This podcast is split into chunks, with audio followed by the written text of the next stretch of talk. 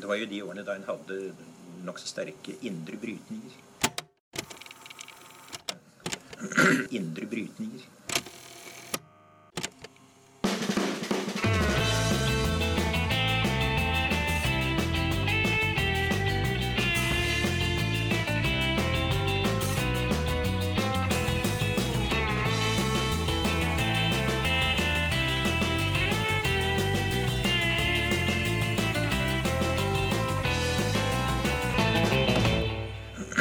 Og velkommen til Noen har snakket sammen. Mitt navn er Tiril Rustan Halvorsen. Og jeg heter Aksel Fjellavli. I dag skal vi snakke om to ting. Ja, det skal vi. Først så får vi besøk av Nina Falk, som er sjefsøkonom i YS. Eh, Og YS er Ja, YS er jo da en eh, hovedsammenslutning for eh, fagforeninger, eh, Ja. på lik linje med LO og Unio og Akademikerne. Mm. Eh, så eh, vi skal snakke om eh, teknisk beregnings beregningsutvalg. Det høres jo teknisk, teknisk. ut, men, men det er rett og slett en veldig viktig institusjon i norsk økonomi. Og de Ja. har sluppet en rapport denne uka her som kommer til å være viktig for lønnsoppgjørene til våren. Som det er ved hvert lønnsoppgjør. Yes, det stemmer. Uh, og så har vi lest uh, en bok uh, fra Respublika, skrevet av en forfatter som heter Suketu Meta. Dette landet også vårt, heter den.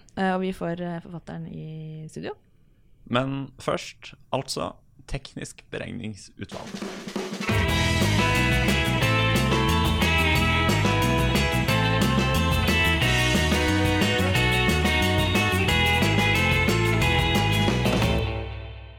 Da har vi fått besøk av Nina Falk i studio. Hun er sjeføkonom i YS. Velkommen hit. Takk for det.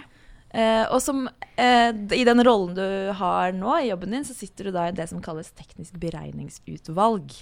Eh, og de la frem sin rapport, som vi skal snakke om nå, eh, denne uka. Eh, og da må vi egentlig bare begynne å spørre hva er TBU, da, som det kortes og sies, snakkes om på fagspråket. Ja, ikke sant? Jo, det er altså en gruppe mennesker fra um, partene i arbeidslivet, både arbeidstaker- og arbeidsgiversida, Finansdepartementet, Arbeids- og sosialdepartementet, SSB, som setter seg ned og sammen eh, skal prøve å beskrive et faktagrunnlag da, eh, i forkant av eh, lønnsoppgjøret, som skal skje nå snart.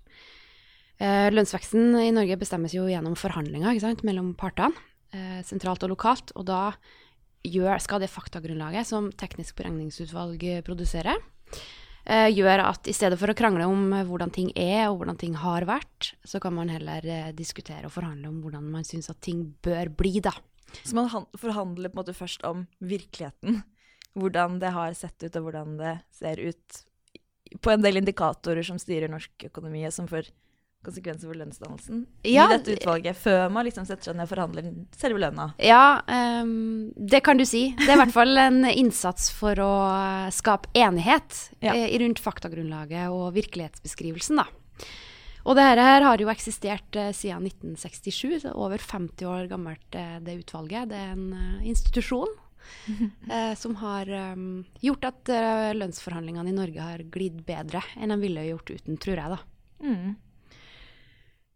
Ja, for det er på en måte utgangspunktet for at man har dette utvalget, at man, man tar med seg de faktaene man blir enige om, inn i det som nå er da lønnsoppgjøret mellom partene. Og hva er det som står da i denne TBU-en som gjør at man får et godt utgangspunkt for å diskutere lønnsvekst? Jo, eh, det er en stor rapport på over 200 sider. Og det viktigste, kanskje, sånn, eh, i forbindelse med lønnsoppgjøret, er jo beskrivelsen i, av lønnsutviklinga i de ulike forhandlingsområdene over tid. Så da kan du f.eks. lese om økt, hvor mye økt lønna til industriarbeidere i Norge fra 2018 til 2019 sammenligna med statsansatte, kommuneansatte, eh, ansatte i varehandelen og andre grupper. Så får du liksom en historikk på det. Hvor mye har eh, de ulike gruppene hatt i, i lønnsvekst. Um, den uh, rapporten forteller også noen ting om lønnsfordelinga mellom kvinner og menn. Det har jo vist seg å være litt fallende nå fra 2018 til 2019, og det er bra. Um, vi skriver om uh, forventa prisutvikling. Det er jo viktig, ikke sant? Fordi at Um, når man skal forhandle lønn, så det, det arbeidstakere og alle oss er mest opptatt av, det er jo hva vi kan få for de pengene vi tjener. Og da eh, blir liksom anslag på prisveksten veldig viktig for å bestemme seg for hvor mye lønnsvekst man skal kreve neste omgang, da. For det vet man jo ikke. Når man blir enige om et lønnsoppgjør, så vet man ikke hva prisene vil bli neste år. Så i, i TBU for nå så har dere liksom funnet akkurat hvor mye prisene økte. Ja. Og da finner man det som er reallønnsveksten, hvor mye man faktisk har fått i lønn. Det er akkurat det, ikke sant? Så um, den endelige rapporten til TBU i fjor spådde jo en prisvekst på 2,4% og så endte den opp på 2,2% Så det Er det betyr en stor forskjell? er, Nei, det er ikke en veldig kritisk bom i det hele tatt. Det er ganske vanlig. Mm. Ja. Men det betyr jo da at ehm, lønnsoppgjøret i fjor ble litt bedre enn det, enn det hadde vært hvis man hadde truffet på, på prisprognosene. Og nå er jo um, eh, utvalget sin prisprognose Altså prognose for prisveksten er jo på 1,5% som er en god del lavere, da. Um, men det er viktig i forkant av lønnsoppgjøret. Rapporten beskriver òg makroøkonomisk utvikling både internasjonalt og nasjonalt. Um, den forteller om en eh, lavere vekst internasjonalt i 2019 enn 2018. Og den eh, beskriver en eh, utvikling i den eh, norske økonomien som har vært god eh, helt fram til sommeren 2019. Altså nå har det på en måte stagnert litt, og det, som forventa, da. At nå når vi, har vi nådd en slags eh, liten topp. Em, men at eh, ledighetsnivået fortsatt er relativt lavt, og Og disse, er tingene, og disse tingene er viktige fordi det um, sier noe om hvor mye lønnsvekst man tåler. Nettopp. Særlig da industrien og det som kalles frontfaget, Ikke sant? som konkurrerer med utlandet. Men, men bare kanskje et dumt spørsmål. Men når man tenker liksom eh, arbeidsgiver- og arbeidstakerorganisasjoner som forhandler om eh, et riktig lønnsnivå, ikke sant? Da, da tenker jeg jo hm, Det er jo til en viss grad eh, et spørsmål om makt. Hvilket utfall det, det blir av de forhandlingene hvor eh, stor del av en sektor man organiserer, eh, og, og forskjellige sånne ting. Trenger man egentlig et sånt faktagrunnlag? Kan man ikke bare måle eh, på en måte makta si opp mot hverandre, eh, partene i arbeidslivet? Jeg tror det er kjempeviktig eh, med et eh, faktagrunnlag som beskriver virkeligheten sånn som den er. Eh, både for å få forhandlingene til å gli mest mulig effektivt, men også fordi at det bidrar til å stagge dem som kanskje har mest makt, til å, forholde seg til den ramma og den historikken som har vært. Så en, en sterk part, som kanskje over tid har, har hatt veldig god lønnsvekst, vil få se det gjennom TBU-rapporten. ikke sant? At her har dere gått over ramma noen år. Eh, og så lenge alle eh, vedkjenner seg, hengir seg etter frontfagsmodellen, så vil det kunne bidra til å, En slags til å, stagge, til å disiplinere de sterkeste, da. Ja, tenker jeg. Fordi i dette utvalget så er det på en måte lik, like maktforhold og like representasjoner for arbeidsgiver- og arbeidstakersiden. Ja. Mm. Mm. Um, som nevnt da, så er det jo da lønnsoppgjør, og det forbundene skal forhandle med sin motpart nå frem eh, utover våren. Og så tar man med seg dette, denne rapporten fra TBU. Hva, hva bruker man på en måte den til når man, sitter, når man sitter der? Vi har jo sett i mediene så har det vært eh, noen oppslag denne uka om at statsansatte kanskje har fått en høyere lønnsvekst enn industrien, og at, som du nevnte, kvinner og menn Det gapet der har blitt mindre. Hva liksom Hva tar man med seg fra denne årets rapport da, inn i årets lønnsoppgjør? Jeg tror eh, flere ting blir viktig. Altså det som du sier med at statsansatte og kommunalt ansatte har hatt en litt høyere lønnsvekst enn ramma, og enn industrien, det er jo eh, det, altså det er flere grunner til det. Det er litt mer komplekst bilde enn eh, kanskje den der de der enkle prosentsatsene eh, gir uttrykk for, da. Men eh, det vil jo da kanskje bidra til å, til å stagge den sektoren. Og de som har fått mindre enn ramma, vil, vil få ekstra gode argumenter inn mot oppgjøret vi har foran oss. Dette etterslepet som mange er opptatt av, ikke sant? det trekkes ofte inn. Hva er det? Nei, det er historikk. Hvis historikken viser at man over tid har hatt en lavere lønnsvekst enn andre grupper, Mm. så snakker man om et etterslep. Da er man en gruppe som henger etter Mm. lønnsmessig, og da, da er det et argument for å liksom vatte opp innenfor eh, neste, neste års oppgjør. Og så er, tror jeg det er også viktig den eh, lave, altså det relativt lave, den relative lave prisveksten da, som ligger anslått nå. Mm. Eh, blir nok òg viktig. Jeg tror at eh, beskrivelsen av liksom, avmattingen i den norske økonomien og internasjonalt, og alt sånt, det har vært kjent stoff for de fleste veldig lenge. Så det er ikke noen sånne store overraskelser der. Um, Men er det det som gjør at den forventede prisveksten er lav, eller er det andre faktorer? ja, der er det nok flere ting som spiller inn. Strømprisen er viktig. Mm. Jeg har sett et fall i strømprisen nå de siste, siste ukene, som gjør at det, anslaget, anslaget på prisvekst fra 2019 til 2020 på en måte blir trekker det ned. Da. Men dette er jo veldig usikre størrelser. Så den strømprisen kan jo hoppe i været igjen, og da, da kan den eh, da kan den eh, prisveksten bli eh, en god del høyere enn 1,5 da. Så det er jo også viktig å ha med seg at eh, det er jo ikke noe fasit. Nei. Og da kan det risikere å spise opp en del av lønnsveksten. Absolutt. Og så vil man få fasiten i neste års TPU. Men hvordan kommer man fram til disse tallene? Jeg- tenker f.eks. når man måler ulikhet, økonomisk ulikhet, så, så er det mange forskjellige måter å gjøre det på. Som vil tegne litt forskjellige bilder av hvordan ulikheten ser ut. Og hvordan det ulikhetsbildet ser ut, det vil jo også forme hvem som tjener og taper på at den fortellinga blir fortalt.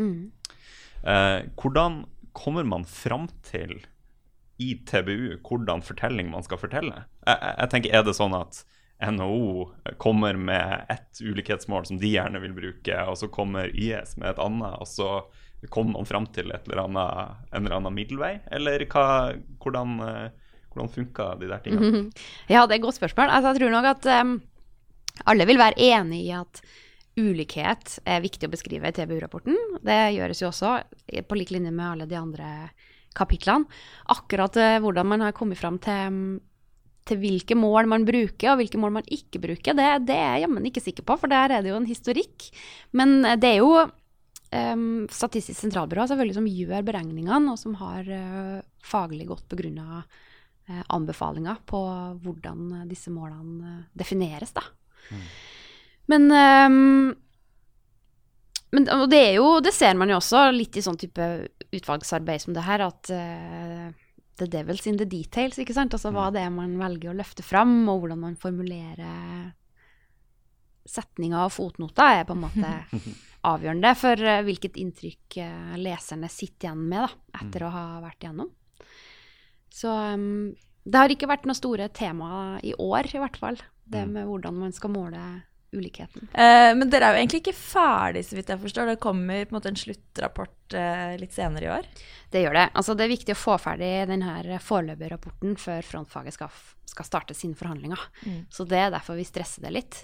Og så kommer det mer og mer kvalitetssikra data på lønnsvekst og alt mulig rart eh, i løpet av eh, ukene som kommer nå. Okay. Um, vekst, altså anslaget på kon konsumprisindeksen vil um, også kunne endres i lys av uh, hvordan strømpris, oljepris og alt det der uh, utvikler seg i mellomtida. Så den endelige rapporten den kommer 26. mars. 26. mars. Da får vi notere oss den eh, datoen, og så skal nok vi dekke lønnsoppgjøret nærmere her i podkasten. Men tusen takk for at du kom hit, Nina Falk fra IS. Takk for meg.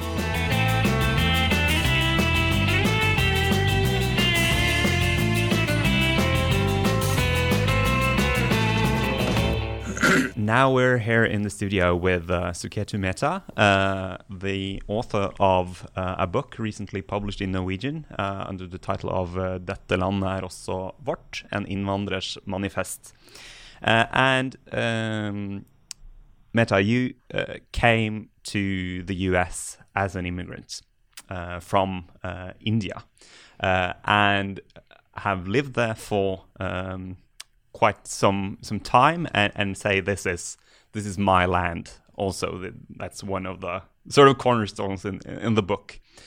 How do you from that perspective uh, view the current uh, debate and political situation in the US uh, as an immigrant that is also an American?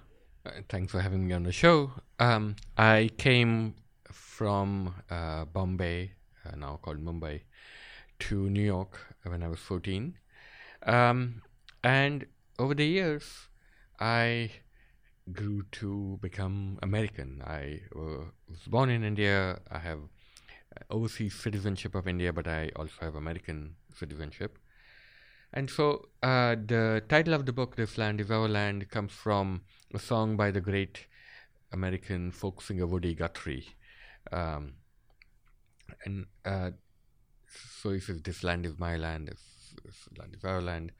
And I feel that that song is a universal immigrant's anthem. So it applies to immigrants wherever they go. The claim I make is that immigrants should claim the countries that they move to and consider it their land too. I feel that this whole system of borders and fences, it's man-made and it's only around 100 years old. We've always moved around the planet uh, as a species in the entire history of the species. Now more people are moving than ever before. Today there are over a quarter of a billion people who have immigrated to a country other than they were born in, and I'm one of them. This number is only going to increase as climate change really kicks in. So, uh, climate change and mass migration caused by climate change are going to be the two defining human phenomena of the 21st century, and it will change everything. And most debates about migration are from the viewpoint of the receiving countries, the rich countries, saying, should we let in immigrants? How many should we let them? Should they be skilled or unskilled? Will they assimilate or not? And I'm asking, why are they moving in the first place? Hmm. They're moving because of colonialism, war, inequality, and climate change. So this is basically uh, in the immigration debate putting immigrants into a subject position instead of an object that is coming uh, coming into the country. Yes, uh, you know, I look at this whole thing from the viewpoint of the immigrants and their right to go all over the world, and I'm calling for immigration as reparation. So the rich countries have stolen the future of the poor countries. You know, take the case of my birthplace, India. When the British colonized India at the beginning of the 18th century, India's share of world GDP was 23%. So basically, a quarter of the world's economy was Indian. By the time the British left in 1947, India's share of world GDP was under 4%. So, where did all that money go? It went straight to Britain. Um, and the book begins with a story my grandfather once told me. My grandfather was born in India, worked in colonial Kenya when it was ruled by the British, and then he retired uh, in London where his son was living. So one day my grandfather was sitting in a park in North London, and this old British man came up to him and started yelling at him, Why are you here? Why don't you go back to your country? And my grandfather said, I'm not going to go back. We're here because we are the creditors. You came to my country, you stole all my gold and my diamonds, so we have come to collect. We are here because you were there.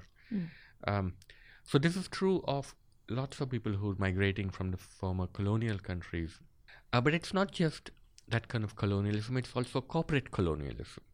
Um, the domain of the multinationals over huge parts of the world and the theft of resources um, from these countries and the evasion of taxes that the multinationals should be paying, uh, which go directly into tax havens. Uh, so every year, 150 billion dollars leaves Africa for these tax havens. Um, American corporations own much of Latin America. At one point, 42% of all the land in Guatemala was owned by one American banana company. Um, the third reason people migrate is war. Um, you look at all these Syrians now flooding into Germany, you look at all these people from the Middle East. Why are they leaving? It's because the United States and NATO, uh, which Norway is a member of, um, went into these countries and launched these illegal and unnecessary wars based on false premises. A million Iraqis lost their lives. So I think a million Iraqis should get green cards to enter the United States now, a million living Iraqis in compensation. But the fourth and biggest reason that people are going to move is climate change. by the middle of this century, a billion people are going to lose their homes because of climate change. Who's responsible for this? The United States put in one third of the excess carbon in the atmosphere, European countries, another one quarter. Norway is the world's seventh biggest petroleum exporter. Um, it makes $20 billion a year from the sale of petroleum. Greenpeace actually sued Norway a couple of years ago, uh, asking it to abide by its own laws about the environment. And the Norwegian minister responded, uh, It's not our responsibility where the petroleum we sell gets burnt and what happens to it. We just sell the oil. So, all of these countries are complicit, and people are moving, they're leaving their homes because they have no choice, because their future has been stolen.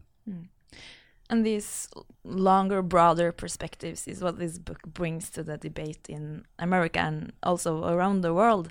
Uh, how has the book been received in, in America, for instance?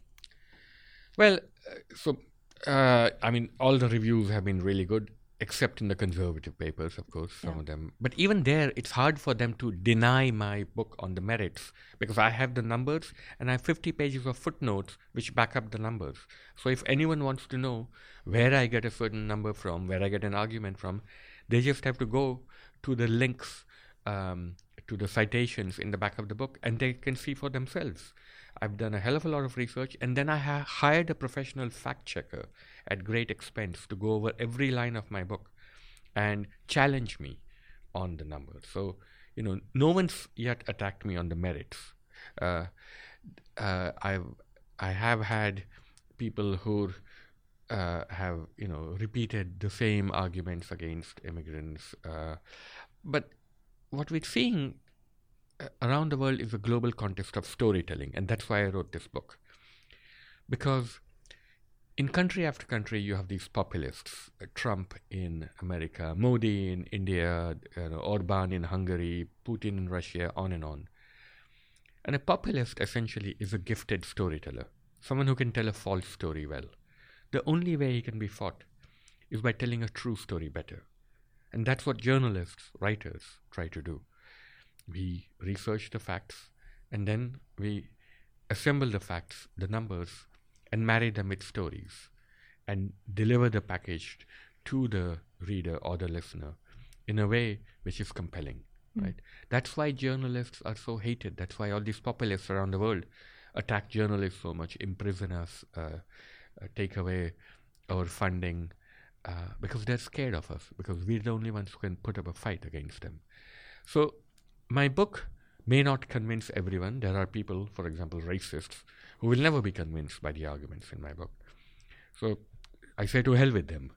um, uh, my book provides ammunition for people who know that, uh, on balance, immigration is a good thing, but haven't had the time or the inclination to do the research. I've done the research for them.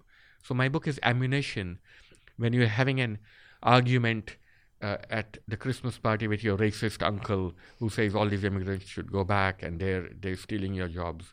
You can turn to my book and you can find the statistics, the numbers that will allow you to argue with your racist uncle. And how do you feel this fight is going? Because we see in in in value surveys that people gets more uh, immigrant liberal, but then you also see more populists surging in elections. That's kind of a paradox. And and also in Norway, the the immigration policies are quite strict. How do you see the fight going? So, in country after country, the fear of migrants is doing much more damage to these countries than the migrants themselves ever could. So, uh, Exhibit A is Brexit, the biggest own goal in British history. Uh, it was fear of migrants that caused Britain to pull out of the EU, and now Britain itself is falling apart. Scotland wants to, you know, uh, uh, leave uh, England. Uh, Northern Ireland is really unhappy. Wales is unhappy, and this was all done for stupid reasons. Um, the uh, immigrants actually saved Britain. I have lots of relatives living in Britain, and they're pharmacists and doctors and business people. Um, now, uh, it's going to be another cold, windswept bunch of islands in the North Sea uh, because of this fear they've had of immigrants. Um, these populist leaders are doing incredible long term harm to these countries. I mean, look at Trump in the US, got elected again out of because he appealed to people's fears of Mexicans and you know immigrants coming in, and now he's an existential danger to the planet.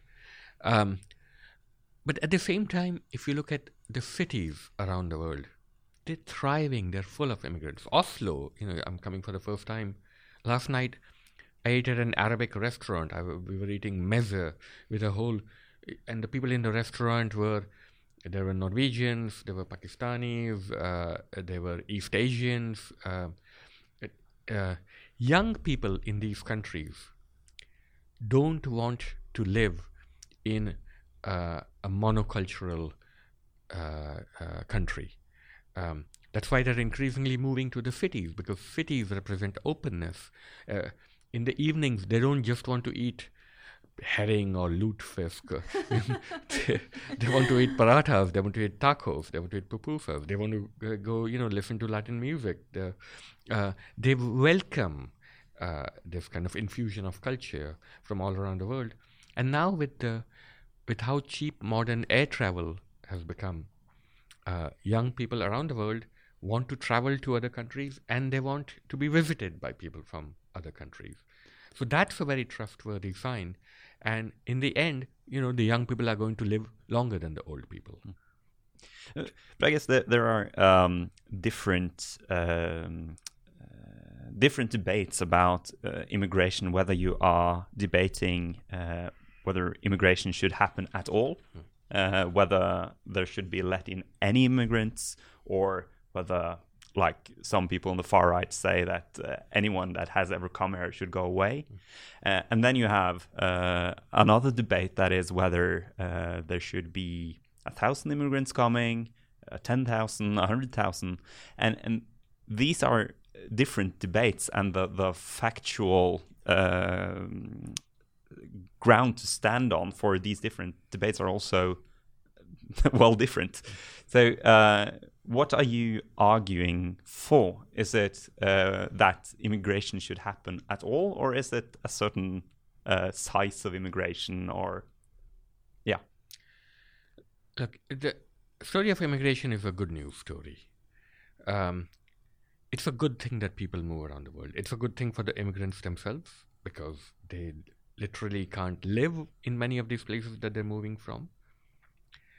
And it's a good thing for the countries immigrants move to because without immigrants, their old people would be eating cans of dog food and would have no medical care. Take Norway. In 1950, 8% of Norwegians were over the age of 67. Today, 15% of Norwegians are over 67. By 2050, 23%, or almost one quarter of Norwegians, are going to be older than 67. And by 2050, the number of children, Norwegian native born children, is going to be under 17%. So, all these countries, including Norway, are not making enough babies.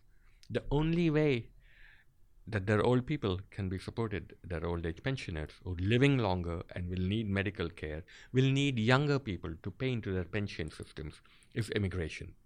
These countries will commit national suicide if they stop letting in immigrants. They need immigrants to work, they need immigrants to take care of their elderly, they need immigrants to do the jobs that they don't want to do themselves. Um, so it, it, then you have the question of numbers how many to let in, well, as climate change really kicks in and you have millions of people fleeing these countries, I mean, like Africa, whose population is exploding, you know, and they're going to come to look to Europe, to the countries of their former colonial masters, the people who had the biggest role in creating the problems of Africa. What's going to happen? Are you going to start shooting them as they come over the borders? Are you going to shoot their ships at sea?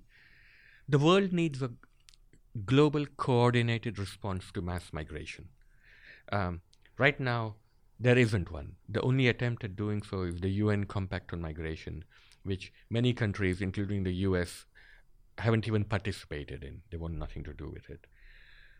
migration is going to happen whether you like it or not. And so the countries of the world need to come together and have a coherent strategy of how to deal with these waves of migration. And it'll happen in surprising ways. It won't just be Africans trying to come to Norway, it might be Americans trying to come to Norway.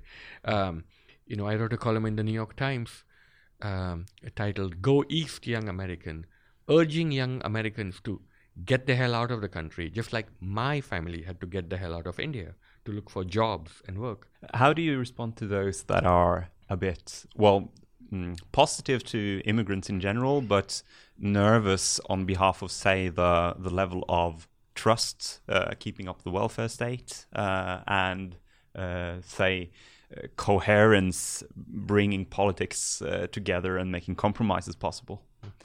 So there is this fear that Scandinavian countries have this very generous welfare, uh, and, that immigrants, you know, uh, they'll come in and they'll use up all the welfare resources, and then uh, people will turn against welfare, and there won't be anything left for anyone. And this fear is vastly overblown. Um, study after study shows, and I've cited them in my book, that um, the immigrants, when they come in, the first generation might need some extra help from the state, but they've come here to work, not to loll about in housing projects. Um, their kids um, uh, get uh, educated and enter the labor force at rates that are higher than the native born. Um, immigrants work harder. Um, in the long run, they contribute more to the state than they receive in welfare benefits. So, for example, in the United States, uh, both legal and illegal immigrants contribute much more to Social Security than they receive in benefits because they're ineligible for most social benefits, particularly the illegal immigrants or the undocumented ones. Um, and in terms of cohesion, you know, you're talking about things like assimilation, you know, cultural assimilation, and um, well, one response is that the West keeps demanding if you're going to come here, come here legally. Did the West ever ask anyone's permission before entering their countries? Did the West ever go anywhere legally? Um, so now, the citizens of these, you know, despoiled countries, when they're coming in here, not to invade and not to steal like the West did, but to work, to clean toilets, to, you know, uh, uh, dig the tunnels. Um, I feel that natural justice demands that they be let in, and whatever it costs to help the first generation of immigrants should be paid as reparations. Um, but it's also true that you know this kind of assimilation that people are worried about.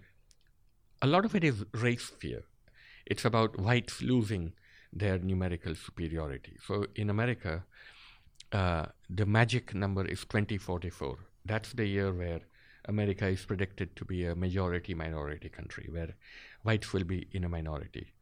Well, my question to whites is what's the word white going to mean by that year? Is Obama, for example, half white or half black?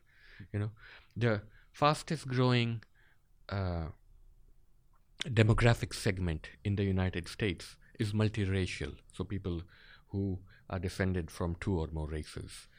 Um, there's a giant choosing all over the world. People are choosing, they're welcoming difference, particularly young people are choosing to be with people who not of their own race, not of their own religion, not of their own culture. And it's happening like wildfire all over all over the world. Um, so this kind of assimilation, a lot of these issues are going to be solved just through intermarriage. The mass migration that will probably come after climate change sets in. It will, and we see already create a lot of political noise, and we also have uh, terrorist attacks uh, happening. Well, in your experience and from your research, do you have any good examples of how to minimize that political noise, or how how can we cope better? Don't give in to the racists. You know, when Breivik shoots all those people and then he writes a manifesto. Don't believe his manifesto. Um, when a madman in Germany, a far right extremist, goes and shoots up a bunch of shisha bars, um, don't say, oh, he's giving us a warning, and so we should keep out immigrants so that we have fewer of these uh, crazies shooting up people. Don't give in to the crazies.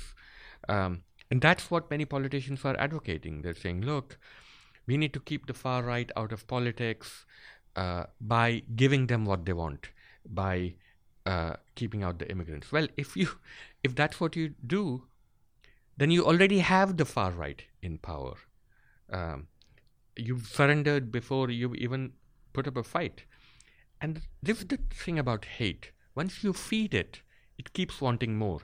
Once you allow the far right to keep out immigrants, the next thing they'll do is go after women. They'll go after gays. They'll go after the poor. They'll go after the disabled. Hate, once fed, is ever more ravenous. You have to draw a line in the sand. And you have to say, this will not stand. Um, the fact that you've gone in with these guns and you've, you know, massacred all these people means that we will fight you with ever more determination.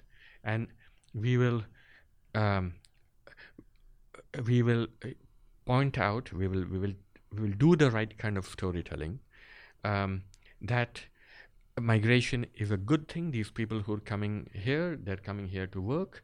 They're coming here to make a better life, not just for their families, but for your families. And this is the story that has to be told. This is the story I'm telling in my book. Mm.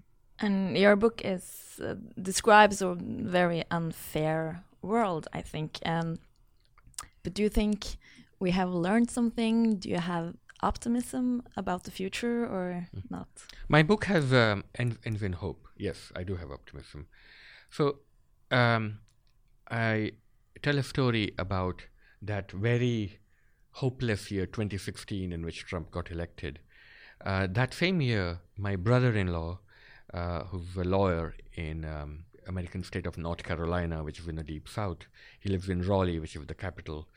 Uh, he's uh, Indian American, and he called me and he said he wanted to run for state senate in North Carolina. And I said, in the deep south, have you lost your mind? You're, you know, uh, how are they going to elect a brown person? And he said, no, I think I have the right message.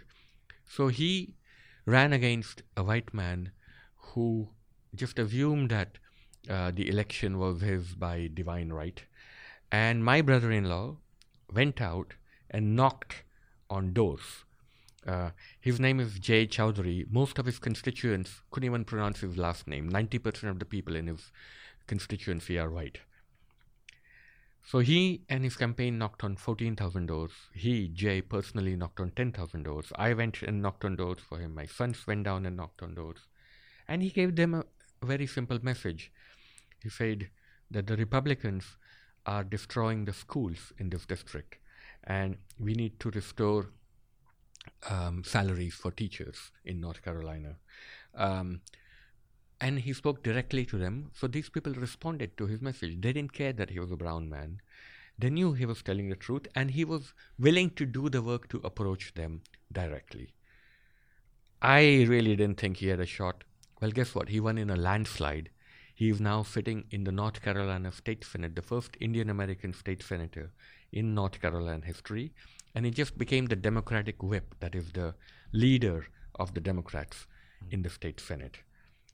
So all politics is personal, all politics is local. And my message to immigrants is don't just go to these countries and be, you know, dream of being doctors or lawyers or enter public service, enter politics. Public service is a good thing, and uh, where immigrants do it, they're also much more uh, capable of changing the terms of the debate.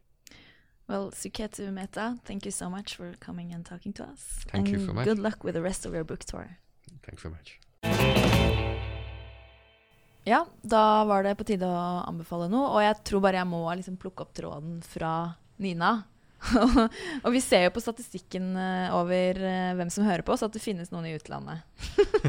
og da, for da er anbefalingen til dem å innføre en frontfagsmodell. Umiddelbart. Umiddelbart. Pronto.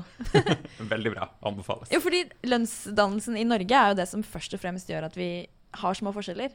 Fordi det utjevner ganske mye, og vi klarer å være konkurransedyktige på et verdensmarked. Genialt.